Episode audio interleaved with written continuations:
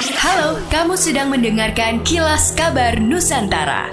Podcast persembahan KG Radio Network menyajikan berita harian yang mengangkat keunikan dari berbagai wilayah Indonesia. Kilas Kabar Nusantara dapat juga didukung oleh pengiklan loh. Mama dan Papa suka bingung cari hiburan yang edukatif untuk anak dan cara menjaga hubungan dengan si kecil agar semakin erat? Yuk dengerin podcast Dongeng Pilihan Orang Tua Persembahan Medio by KG Media di Spotify. Setelah sempat mengalami keterbatasan stok vaksin di Provinsi Sumatera Selatan, kini Dinas Kesehatan Sumatera Selatan kembali menyuplai sebanyak lebih dari 100 ribu dosis vaksin Pfizer yang akan segera disebarkan ke sejumlah fasilitas kesehatan pelayanan vaksinasi bagi masyarakat. Kasih Surveillance dan Imunisasi Dinas Kesehatan Sumatera Selatan, Yusri mengatakan seluruh vaksin yang dihadirkan di Sumatera Selatan tersebut merupakan dosis kedua dan ketiga dan akan segera didistribusikan ke 17 kabupaten dan kota di Sumatera Selatan.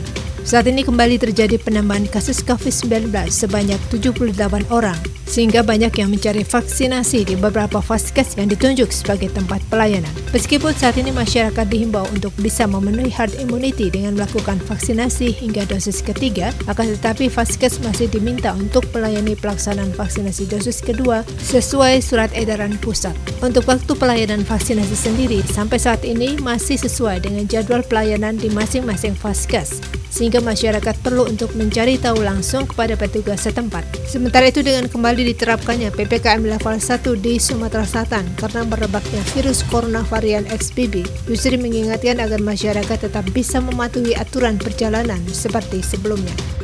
Korea Selatan mengaku berminat untuk ikut terlibat dalam pembangunan proyek transportasi LRT di Makassar. Hal itu disampaikan Jun Sung Kim, Director General Korea Trade Investment Promotion Agency atau KOTRA. Korea Selatan berencana melakukan ekspansi kerjasama di Indonesia dengan menyasar Makassar setelah Jakarta dan Surabaya di bidang transportasi publik. Jun Sung mengaku siap membantu Indonesia membangun LRT sebagai sistem transportasi publik. Apalagi Indonesia dan Korea Selatan merupakan rekan bisnis. Dia menambahkan Korea Selatan siap membantu pemerintah kota mulai dari tahap development plan yaitu rencana pengembangan dari tahap awal eksekusi sampai selesai. Usai pertemuan dengan Pemkot Makassar, pihaknya akan melapor ke pemerintah Korea terkait proyek LRT ataupun proyek lainnya. Sementara Wali Kota Makassar Dani Pomanto mengatakan LRT merupakan salah satu proyek strategis Kota Makassar yang akan diadakan melalui sistem investasi. Dia mengatakan Korea Selatan siap membuat visibility study rencana pembangunan LRT Kota Makassar. Demikianlah kilas kabar Nusantara pagi ini.